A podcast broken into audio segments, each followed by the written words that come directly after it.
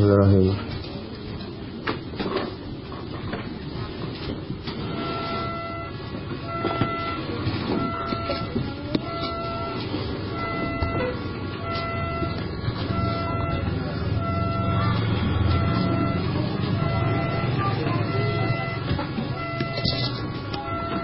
Apa hukum membaca bismillah ketika makan?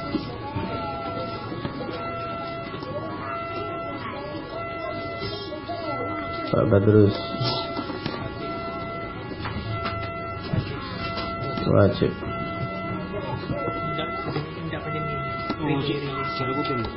Apa yang dimaksud gulam Pak Dedi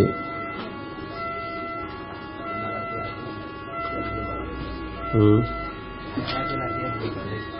Nah, laki-laki yang belum balik. Bisa tidak dipakai untuk dewasa? Bisa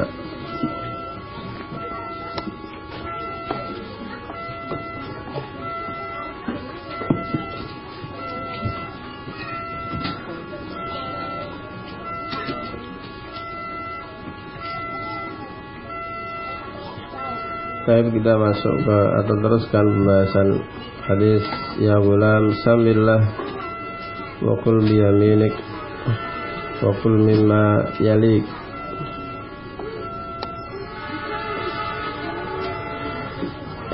Adapun ucapan samillah adalah dengan mengucapkan bismillah Nah, dan para ulama mencukupkan untuk membaca Bismillah saja. Dan ini sudah cukup. Baik.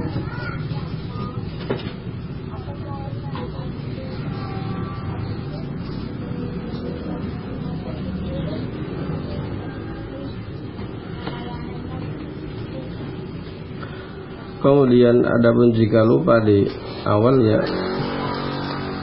maka telah datang hadis Aisyah. Begitu juga hadis Ibnu Mas'ud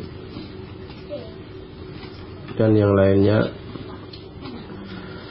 dengan mengucapkan ketika ingat Bismillah awalahu wa akhirahu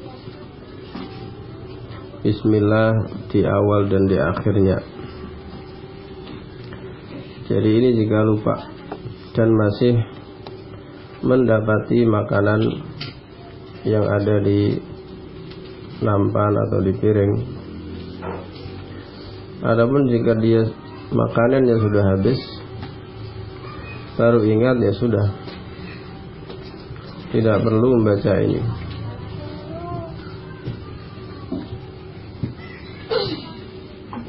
Baik.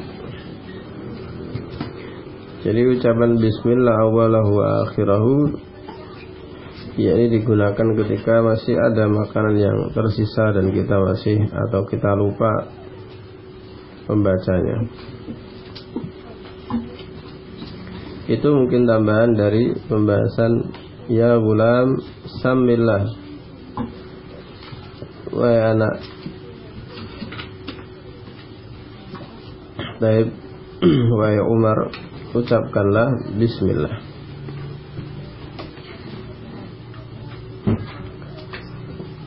Kemudian kul wa kul biyaminik. Kul biyaminik. Makanlah dengan tangan kananmu. Ini juga sebagaimana sebelumnya adalah al-amru lil irsyad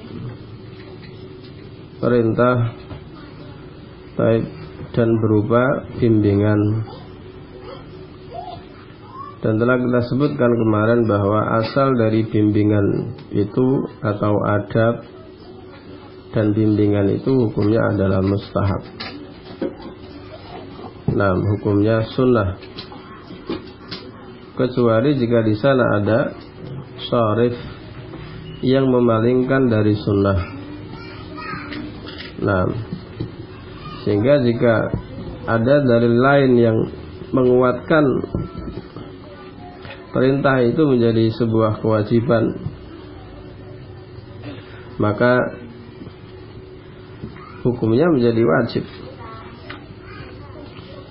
Tapi jika dia itu berupa bimbingan murni atau sebuah adab pada hukum asalnya dia adalah sunnah Terus kemudian apakah wakul biyaminik perintah makan dengan tangan kanan ini yang mana ini adalah berupa bimbingan? Apakah dia sunnah karena dia berupa adab dan bimbingan? Jawabannya tidak. Kenapa? Karena di sana ada hadis-hadis yang lain yang memerintahkan dan yang menguatkan bahwa makan atau minum dengan menggunakan tangan apa namanya kanan. Taib. Semisal hadis Jabir yang nanti akan dibahas la ta'kulu bishimal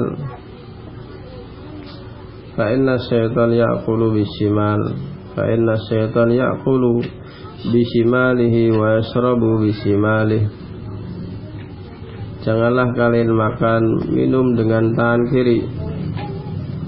Karena setan itu makan dan minum dengan tangan kirinya. Hadis Jabir Muslim. Saya Muslim. Begitu juga Hukuman Dari Allah subhanahu wa ta'ala kepada laki-laki yang disuruh makan tangan kanan dan dia tidak mau makan dengan tangan kanan sehingga lumpuh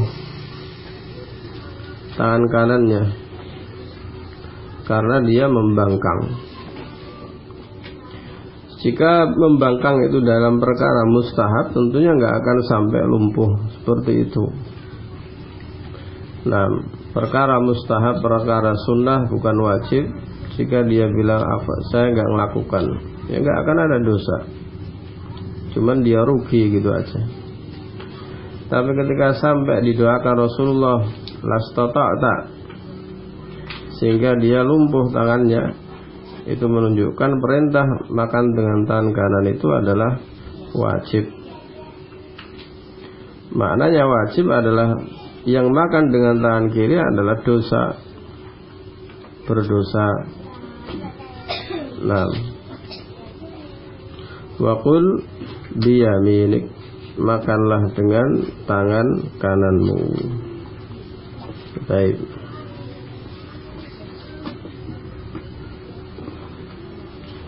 Jadi Kesimpulannya makan dengan tangan kanan. Begitu juga minum dengan tangan kanan juga apa? Hukumnya adalah wajib. Karena tadi itu Tasabuh dengan setan. Fa inna setan ya'kulu bisimalihi wa yashrabu bisimalihi. Setan itu makan dengan tangan kirinya, minum dengan tangan kirinya. Nah, nah hukum asal tasyabuh itu adalah haram. Minimalnya haram Gak ada tasabu terus makro itu gak ada ceritanya. Kata Syekhul Islam, akallu hukmi at-tasabbuh haram. Nah, hukum minimal tasabbuh itu adalah haram. Bisa lebih tinggi dari itu, bisa masuk dosa besar, bisa bahkan kufur bisa. Nah, tapi paling rendahnya adalah haram. Nah, hada wa sahih.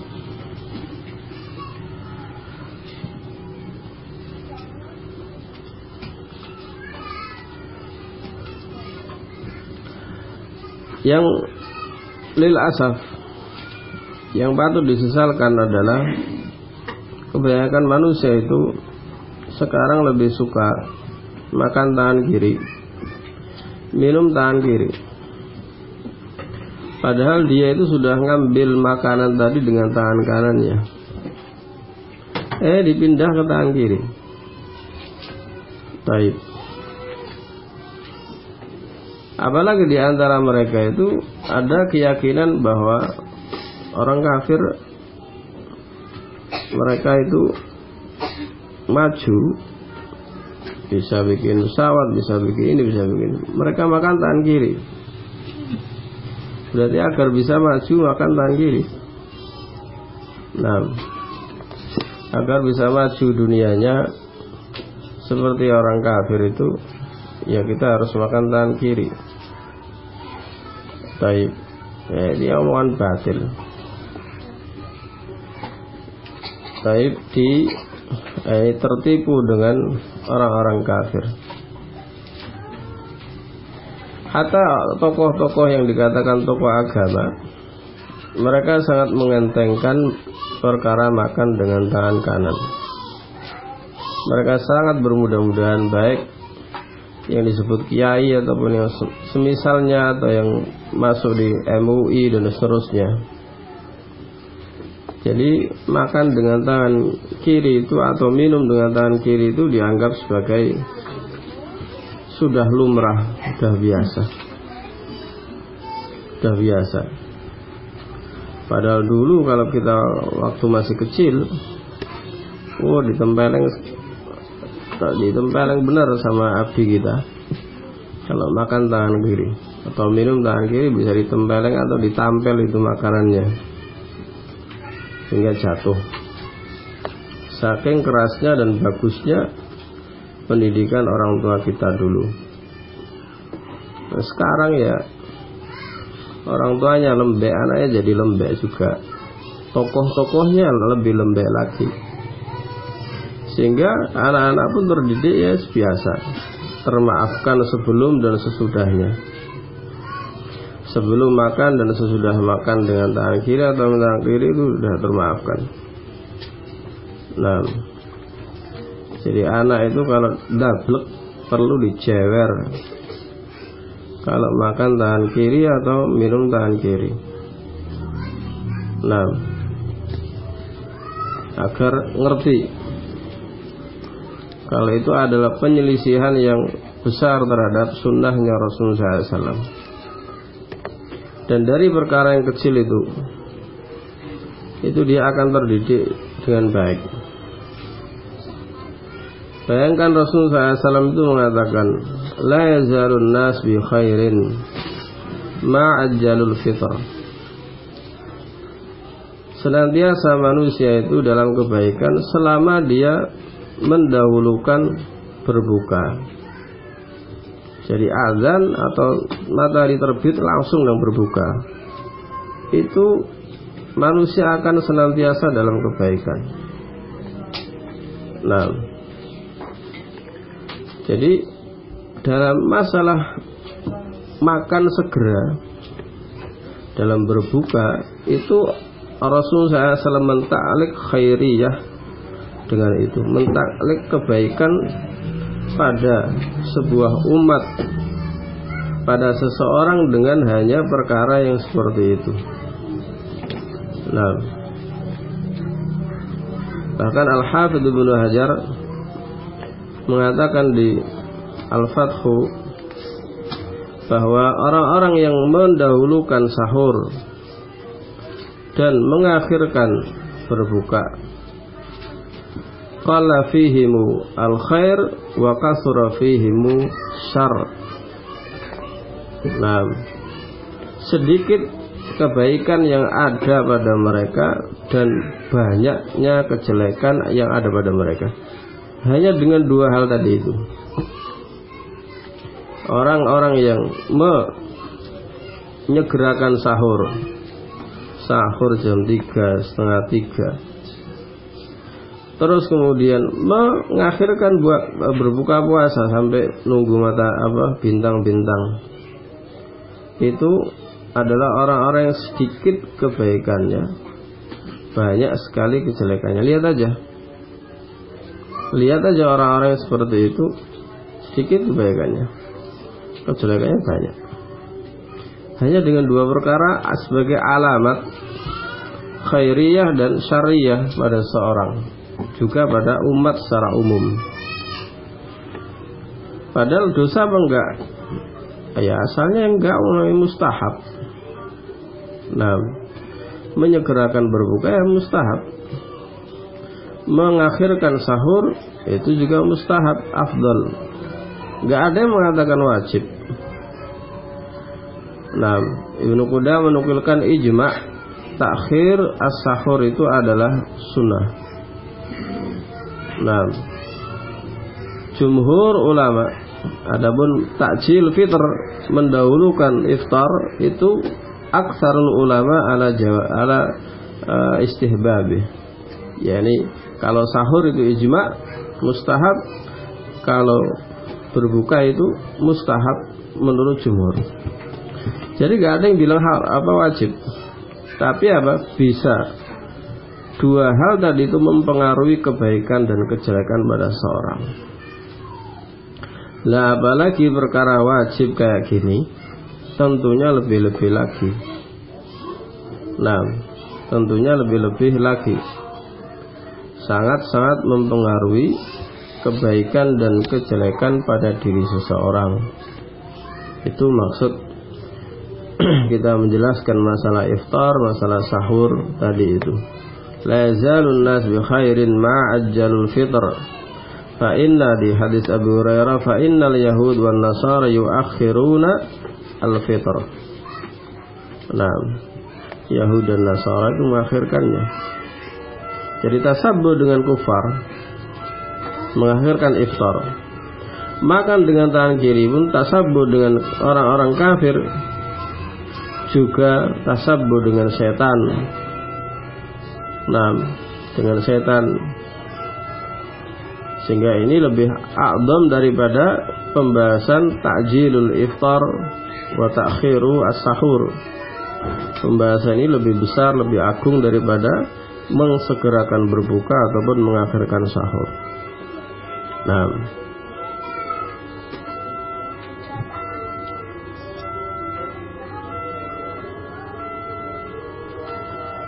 Qala wa kul mimma dan makanlah dari yalika. Baik dari hal yang dekat atau makanan yang paling dekat denganmu. Nah, ini juga kalau ini adalah mustahab. Qala Ibnu Utsaimin dahiru hadzal amr annahu lil istihbab. Baik.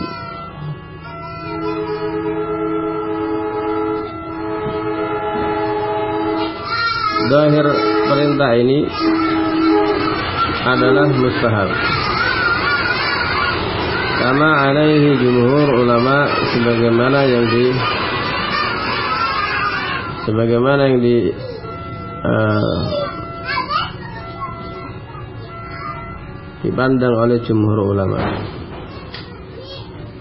Di Qurtubi beliau mengatakan sunnatun muttafaqun alaiha. Baik. Jadi makan dari tempat yang paling dekat itu adalah sunnah menurut kata Syekh Utsaimin jumhur, kata Imam Qurtubi ijma. Ibnu Utsaimin wa yustasna min dalik idza kana ta'am anwa'an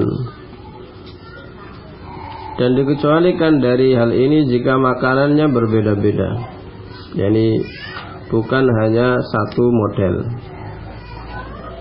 Misal disediakan di meja kita buah, ada nasi, ada sambal, ada kerupuk, ada ini, ada itu. Ya kita ngambil masing-masing lah yang cukup. Gak kemudian yang dekat dengan semangka makan semangka tok. Yang dekat dengan sambal makan sambal tok. Yang dekat dengan nasi nasi tok. Itu dalam satu meja.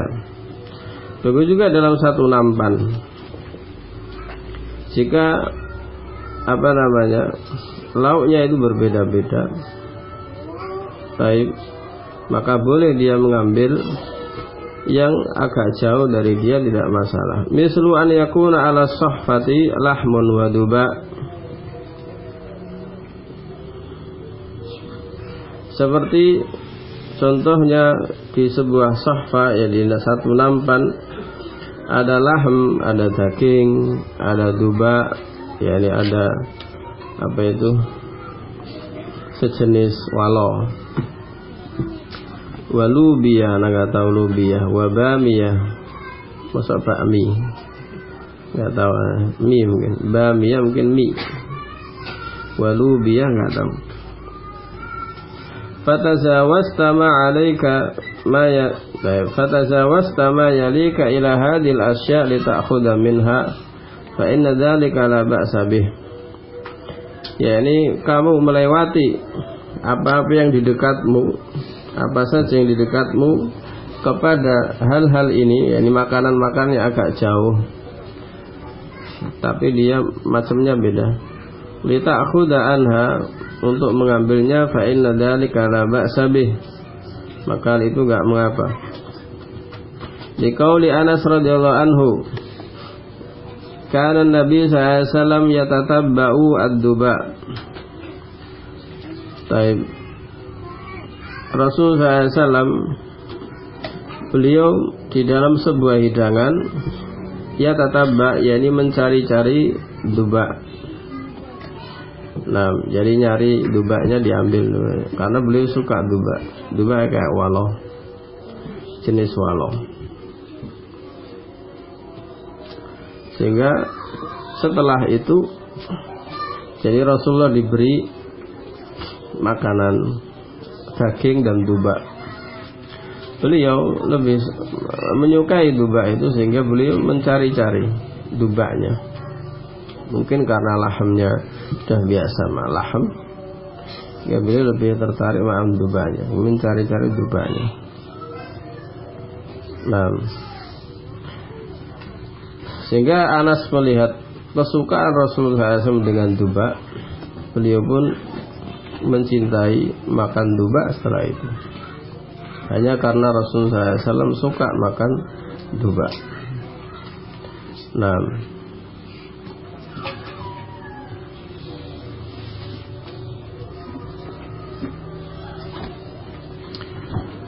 Taib. Mas'alatun idza ka idza kunta ta'kulu wahdak. Al-muhim itu faedahnya bahwa jika jenis makanannya itu berbeda bisa kita mengambil dan memilih enam atau menjauhkan yang kita tidak suka. Sekarang jika kita makan sendiri bagaimana? Apakah wajib makan dari dekat kita satu di piring kita sendiri sebenarnya?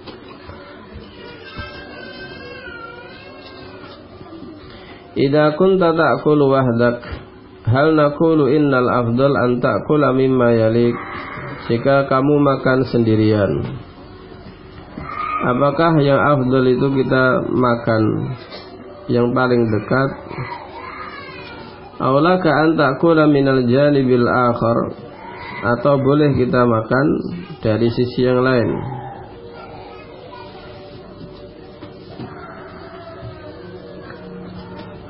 Amma zahirul hadis adapun hadis yang atau nampak dari hadis ini umum yakni sama saja sendiri atau bareng-bareng. Baik, tapi hadis ini ada kisahnya. Wa amma qarinatul hal fahiya liman lahu syarik.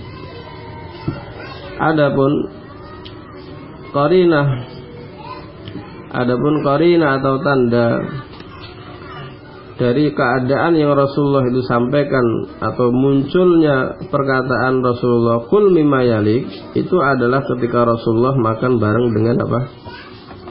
Umar. Jadi waktu itu Rasulullah makan sama Umar bin Abi Salamah. Nah, sehingga insya Allah uh, kalau makan sendirian dia bebas. Nah, boleh dari mana saja dia mau. Karena hadis wakul mimma yalik itu adalah Rasulullah sampaikan ketika makan berjamaah. Qala Ibnu Utsaimin fayakunu hadha an-naw' min al-adab innama huwa liman lahu syarik. Nah, sehingga jenis adab ini hanyalah dipakai ketika makan bersama. Amma man laisa lahu syarik falyakul mimma syaa. Baik, adapun jika dia tidak makan bersama maka makanlah semaunya. Wallahu alam.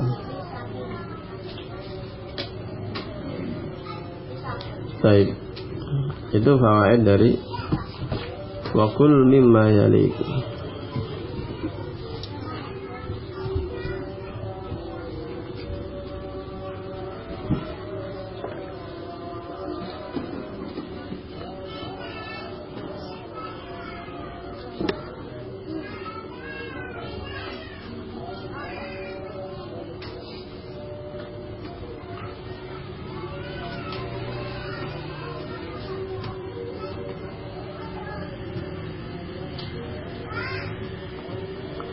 Taib al seseorang melihat untuk bab wakul mimma yalik hatta semisal uh, makanannya bermacam-macam. Jika itu mengganggu menyakiti temannya semisal ya sudah kona jadi uh, makanan yang dekat itu dimakan dalam satu nampan misal. Jika tidak menyakiti yang lainnya. Kalau uh, jika tidak menyakiti yang lainnya nggak masalah.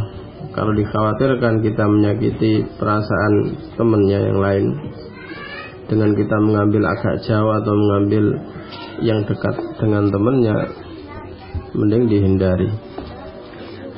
Baik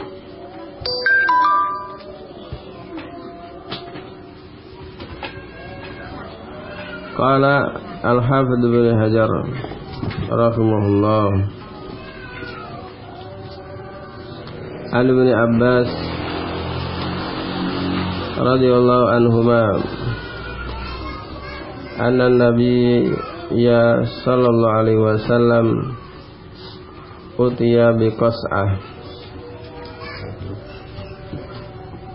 didatangkan qas'ah yakni nampan. Min sarid yang di dalam nampan tadi ada saridnya. Baik. Sarid Aisyah itu seperti sarid. Apa sarid? Jadi khubz al-mu'dam bil laham jadi khubz yang idamnya itu adalah daging itu makanan fakhr makanan yang mewah. Jadi khubus mu'dam bil laham yakni idamnya itu adalah daging. Dan itu adalah makanan yang mewah menurut orang Arab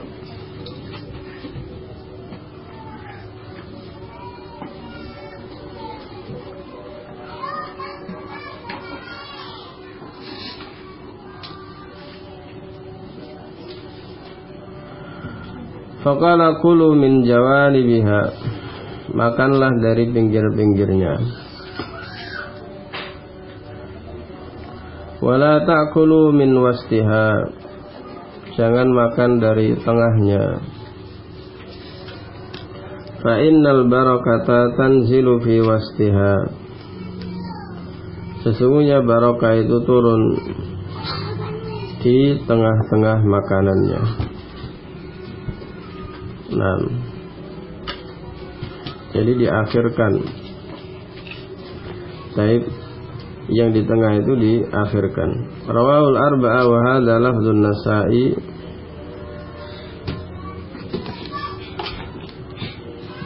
wa sanaduhu sahih. Nah, sanad hadis ini sahih. Barokah barokah apa itu? Ya barokah makanan. Barokah dari makanan tersebut. Taimin fawaid hadal hadis qala Ibnu Utsaimin anna sahaba radhiyallahu anhum kana min adatihim ikramun nabi bi ihda'i ta'am ilai Sesungguhnya para sahabat itu di antara adab mereka adalah memuliakan Nabi dengan memberikan hadiah berupa makanan kepada beliau. Atin Rasulullah didatangkan kepada beliau sebuah kos'ah yakni nampan yang ada saritnya. Baik. Dan ini bukan terjadi sekali atau bahkan sering. Kadang dikasih oleh para sahabat susu.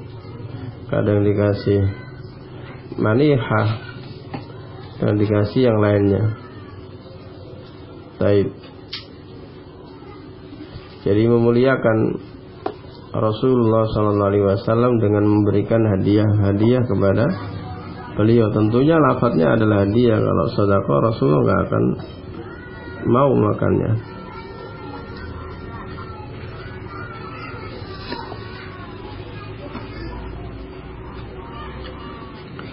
Baik.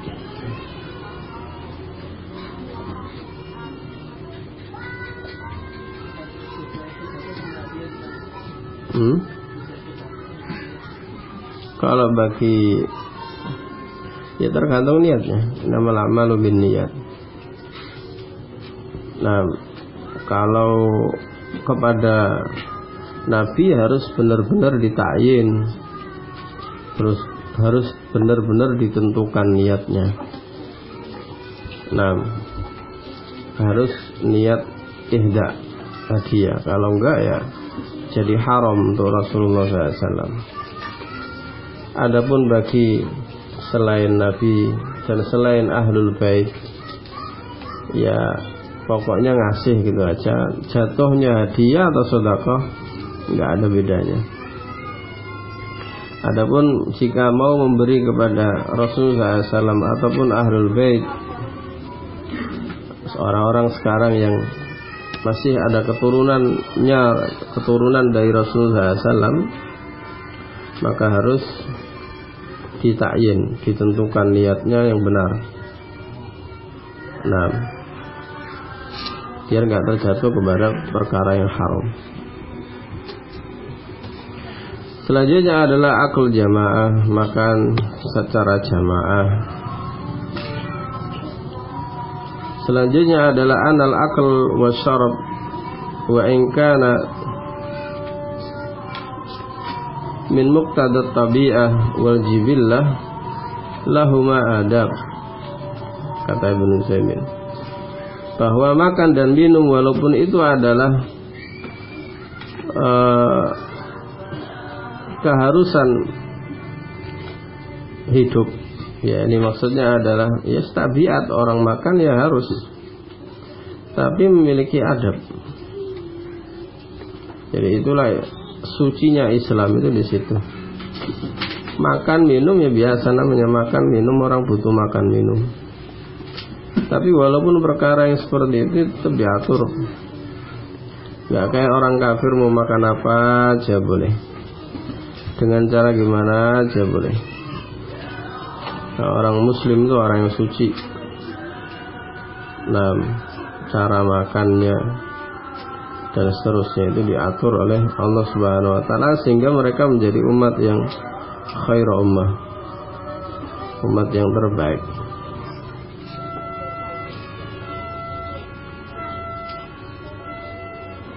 Dan biasa Rasulullah SAW mengundang para sahabat. Beliau biasanya ketika diberi hadiah memakannya kemudian mengundang para sahabat untuk memakan bareng makanan tadi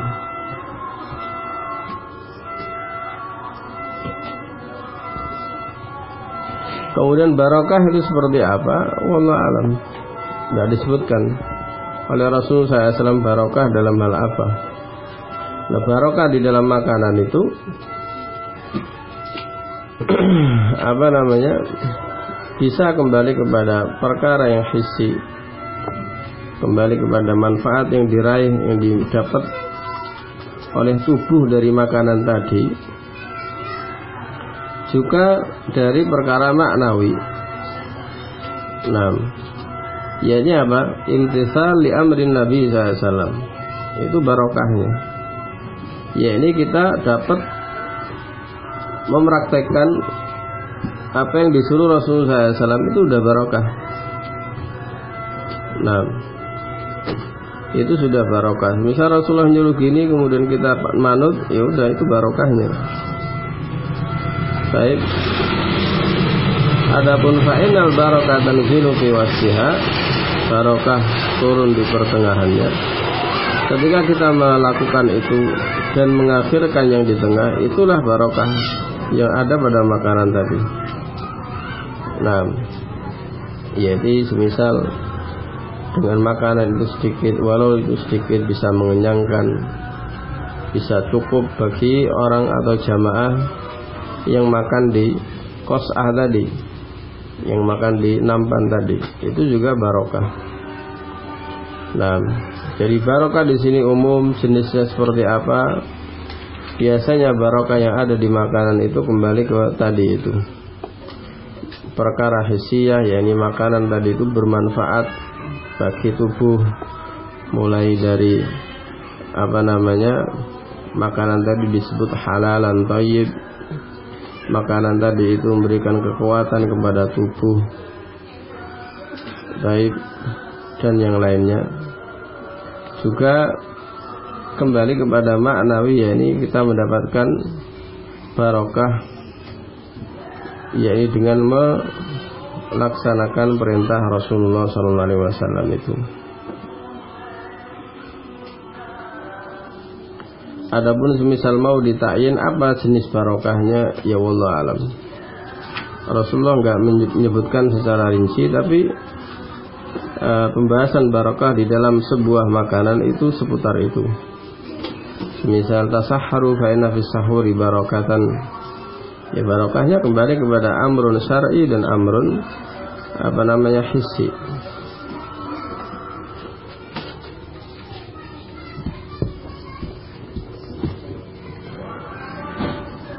Baik, selesai insya Allah.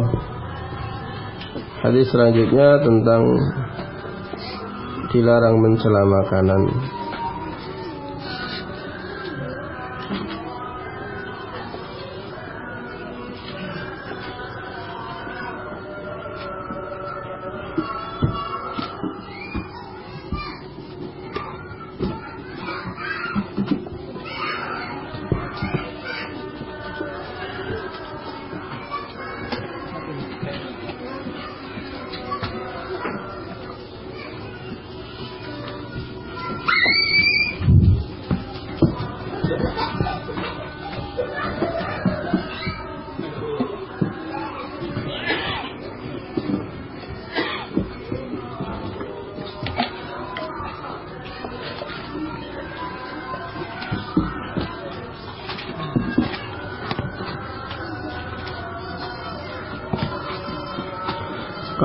Utsaimin ara'aitum ar-rajul yukrahu 'ala al-kufri qawlan aw fi'lan fahal yakfur Bagaimana pendapat kalian tentang seorang laki-laki yang dipaksa kufur?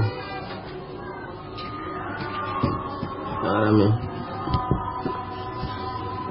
Al-kufri qawlan perkataan atau perbuatan yang dipaksa ngomong kufur atau dipaksa berbuat kufur.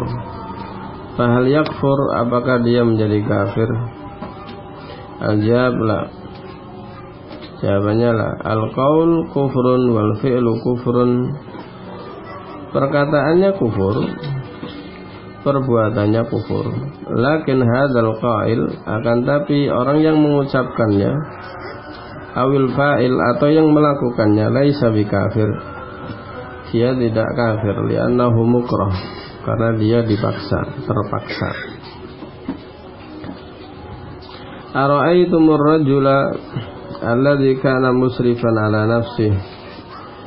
Bagaimana pendapat kalian tentang seorang laki-laki yang dulu dia itu musrif melampaui batas terhadap dirinya sendiri yang dengan melakukan maksiat.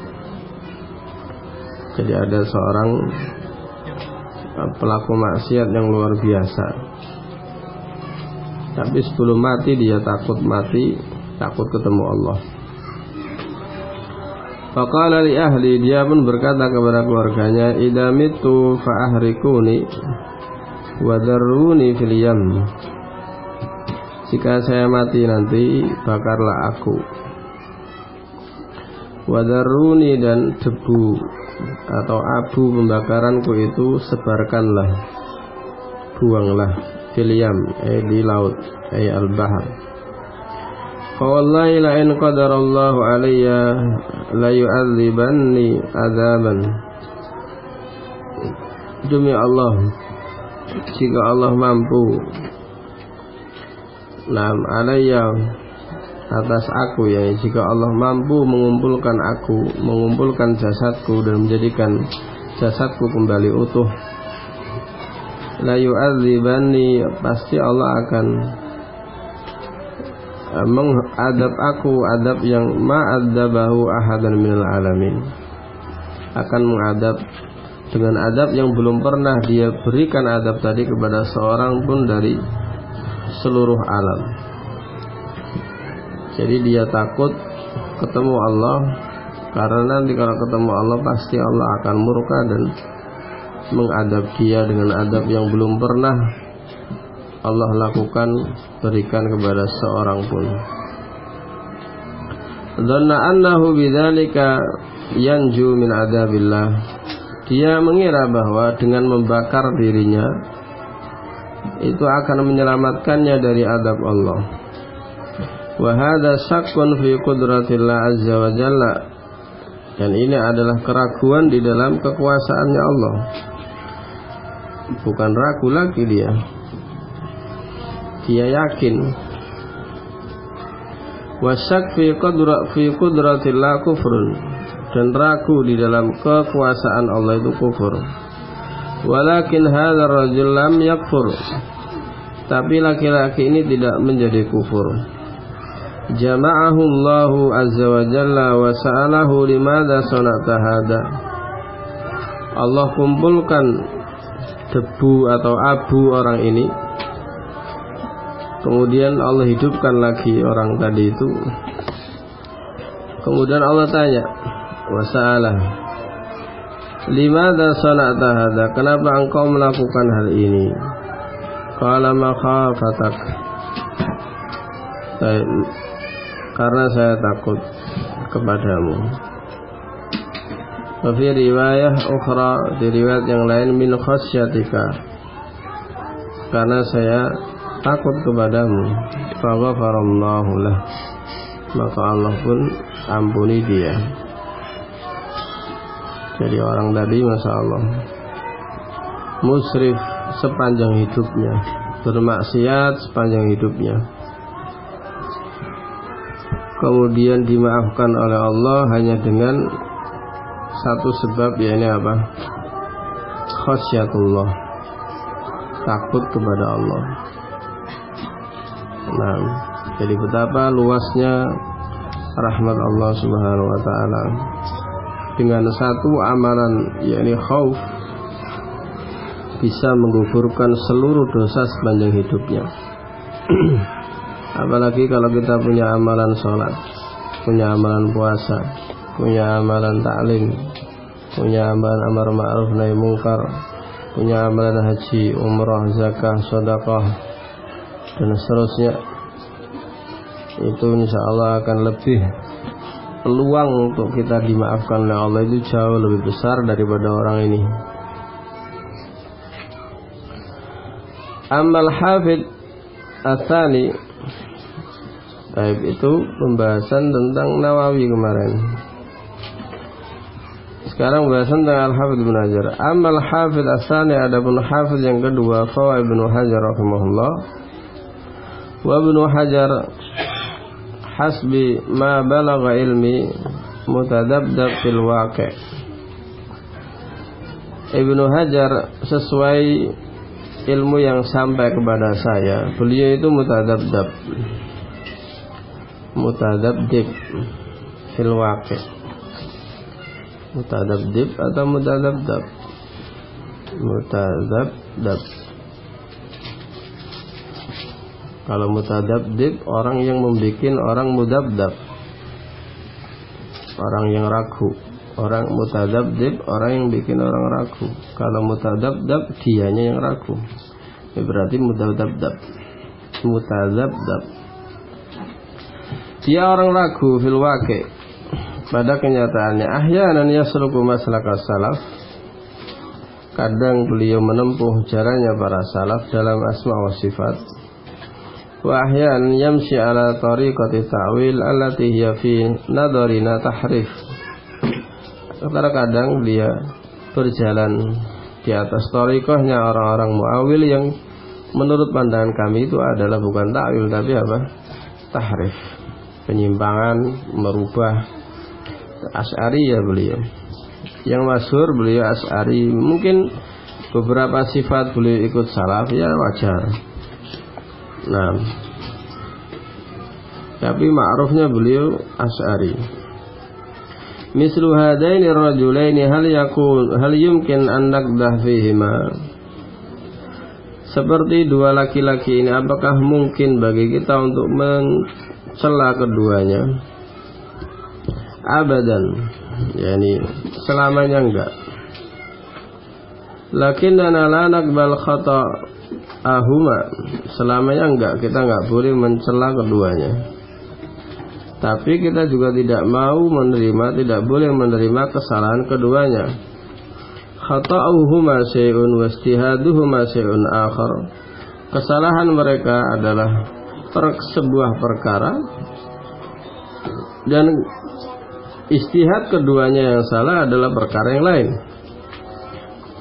Aku hadza li'annahu nabatat li'annahu nabatat nabitatun qabla sanataini Aku berkata seperti ini karena telah tumbuh nabitatun sesuatu yang tumbuh. Jadi muncul golongan maksudnya. Siapa ini? Hah? yang dulu pernah anak bilang patut dia dibakar. Siapa? Ad-Dadi Mahmud Al-Haddad. Ustaz Abu Masud menjumpai mereka di Mekah dulu waktu mereka memberontak si Haddad ini Haddadi ciri-cirinya ada mereka memiliki anak pernah diberi penjelasan oleh beliau mana lupa sekarang jadi mereka sebuah kelompok sempalan dan memiliki ciri-ciri di bajunya. Nah itulah hisbiyah kayak gitu tuh. Biasanya ada ciri khusus di baju. Kalau orang salam ya nggak ada ciri-cirinya.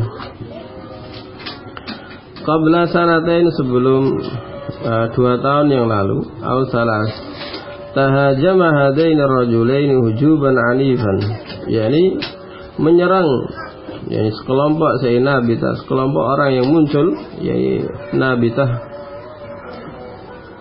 menyerang dua apa namanya imam ini hujuman anifan dengan serangan yang sangat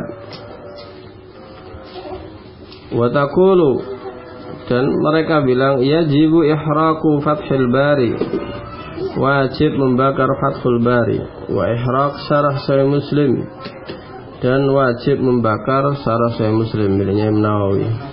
A'udzubillah saya mobil bilang dianya yang pantas dibakar. A'udzubillah kaifa yajra'u insan ala hadzal kalam?